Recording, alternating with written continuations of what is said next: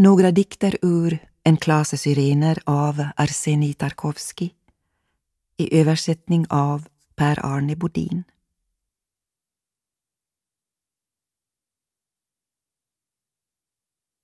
Före lövfällningen. Alla har skingrats. Till avsked återstod det gula lövverkets häpnad utanför fönstret så återstod för mig bara detta enda. Höstens svaga prasslande i mitt hus. Sommaren föll som en kall nål från tystnadens domnade hand och försvann i skymningen bakom hyllan, bakom den musgrå väggens stuckatur. Om man tänker efter har jag inte ens rätt till denna eld utanför fönstret och säkert knastrar fortfarande gruset under hennes försiktiga klack. Där, i det oroliga lugnet utanför fönstret, utanför min tillvaro och boning, i gult och blått och rött, vad bryr hon sig väl om mina minnen? Vad bryr hon sig om mina minnen?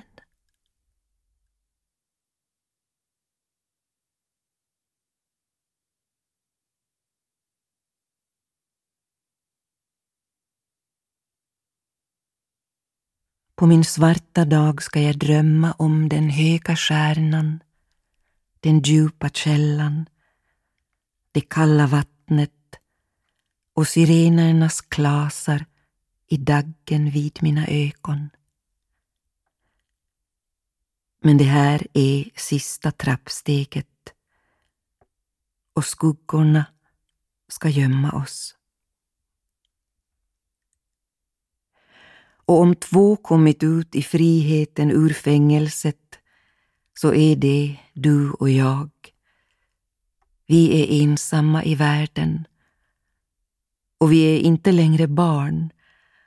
Och har jag då inte rätt när ljusast i världen ändå är din ärm? Vad som än händer oss på min svartaste dag ska jag på den svarta dagen drömma om källan och sirenen, om den tunna ringen och din enkla klänning. Och på bron bortom bäcken kommer julen att dåna förbi. På jorden förgår allt och till och med denna natt förgår och tar dig bort från trädgården. Och står det ännu i vår makt att kalla tillbaka vår gryning? På min egen lycka ser jag som en blind. Det knackar. Vem där? Maria. Jag öppnar dörren. Vem där? Inget svar. Levande kommer inte till oss så.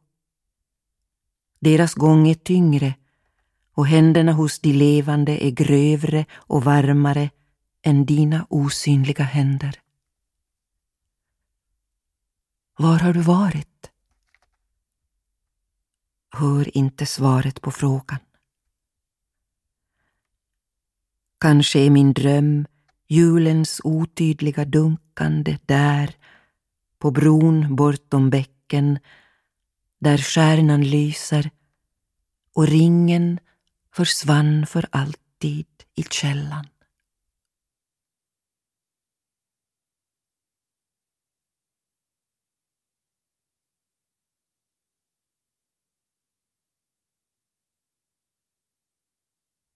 Skådespelaren allt slutar som efter en ringning på den torftiga teaterscenen. Med kvistarna uppåt bär man in min sorg kvalmiga lila syrener.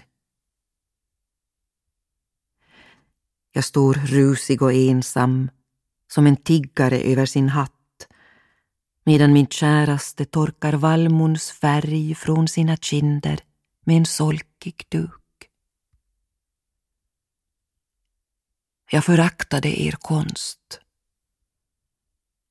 Vad mer ska jag jämföra livet med, säg, om någon annan spelade min roll i de ödesdigra händelsernas virvel? Var är du, min lyckliga dubbelgångare? Du tycks ha tagit mig med dig, för här finns en främmande gubbe som grälar framför spegeln med sitt öde.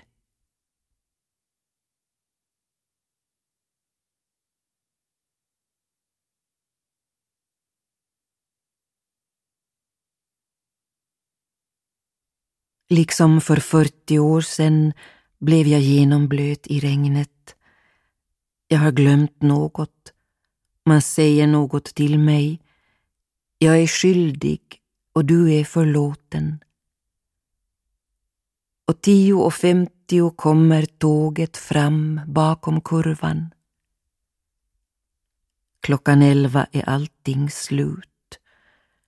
Allt som kommer att dra förbi 40 30 år i framtiden som ett passerande tåg med fönster som skymtar i röken. Allt det som du sade utan ord när tåget redan satt igång och någons ungdom blev kvar vid stationen när alla andra hade gått. Den släpade sig fram bland pölarna utan att se sig för och bet sig i ärmen.